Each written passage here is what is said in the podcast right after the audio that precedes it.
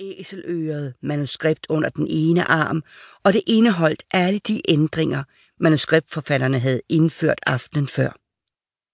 Tally var altid i gang med at afpusse og finjustere manuskriptet. Hun var perfektionist, og de mennesker, som arbejdede sammen med hende, beskyldte hende for at være besat af detaljer, men det var det hele værd. Hun tændte for sin Blackberry, da hun gik ind i traileren med aircondition-anlæg, og så, at der var to beskeder fra hendes datter, som var førsteårsstuderende ved NYU College i New York og forberedte sig på at læse jura. Maxine, eller Max, som hun altid blev kaldt, var overhovedet ikke interesseret i en karriere inden for film. Kun inden for jura. Hun ville være advokat, ligesom sin morfar, Sam Jones. Han var Tallis og Max helt, og de var de eneste kvinder i hans liv. Tallis mor døde af leukemi, da Tally gik i gymnasiet, og hendes far havde støttet Tally i alt, hvad hun foretog sig. Hun havde taget ham med til Oscarfesterne som sin ledsager, de to gange hun var blevet nomineret, og han var umådelig stolt og beskyttende over for hende. Det var Tallys mor, som havde fået hende til at elske film. Da Tally var barn, havde hendes mor taget hende med for at se alle mulige film. Hun havde set alle klassikerne sammen med sin datter, og var selv fascineret af film og skuespillere. Hun havde kaldt Tally for Tallulah, efter Tallulah Bankhead, som hun betragtede som den mest glamourøse kvinde, der nogensinde havde levet. Tally havde altid hadet sit navn, og havde forkortet det til noget, hun kunne leve med. Men hun havde elsket hver eneste film, hun nogensinde havde set sammen med sin mor, som havde været desperat efter at blive skuespillerinde og ønskede, at hendes datter skulle få opfyldt sine drømme. Hun havde ikke levet så længe, at hun kunne opleve Tallys succes, eller se de vidunderlige film, hun skabte. Tally håbede, at hendes mor ville have elsket dem og ville have været stolt af hende. Tallys mor havde giftet sig med hendes far, da hun var 21, og han allerede var en succesfuld advokat på 45 år. Det var hans andet ægteskab, men Tally var hans eneste barn. I dag var han 85, pensioneret og havde et dårligt helbred.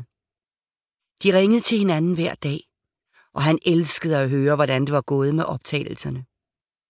Hun var hans forbindelse til den omgivende verden, fordi han sjældent forlod sit hjem. Han var plaget af gigt, og det var for smertefuldt at bevæge sig udenfor.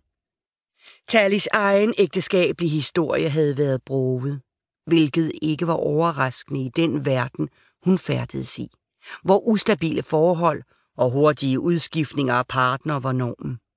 Hun sagde altid, at det var umuligt at møde normale, anstændige fyre i filmbranchen. Max far var en helt anden sag. Han var cowboy fra Montana, og hun havde mødt ham på Sydkaliforniens Universitet, USC, og var blevet gravid som 20-årig. Hun havde taget et års barselsårlov fra studierne, og hendes far havde insisteret på, at de blev gift. De var begge to knap nok mere end store børn, og da Max var et halvt år, var hendes far rejst tilbage til Montana, og de var blevet skilt. Tally havde besøgt ham et par gange for at se, om de kunne bevare kontakten, men deres liv var for forskellige. Siden da havde han været rodeo-cowboy i 20 år, havde giftet sig med en pige fra Wyoming og havde tre andre børn. Han sendte Max et fødselsdagskort hvert år. En rodeo-souvenir til jul, og Max havde set ham fire gange i sit liv. Han var ikke et dårligt menneske. Han havde bare ikke noget forhold til Max og kom fra en anden verden. Han havde været en flot ung mand og uimodståelig som 20-årig, og Max var endnu smukkere end sin mor, en høj, ranglet blondine på 1,82 med himmelblå øjne. Tally havde grønne øjne og var en anelse lavere end sin datter. Når de gik ud sammen, var de et i øjenfaldende par, som mere lignede søstre end mor og datter. Tallys eneste andet ægteskabelige eksperiment havde været med en skuespiller fra en af hendes film. Normalt involverede hun sig aldrig personligt med skuespillerne under optagelserne, men hun havde gjort en undtagelse i hans tilfælde. Han havde været en rigtig hjerteknuser. En stor britisk stjerne, og han havde fejet benene væk.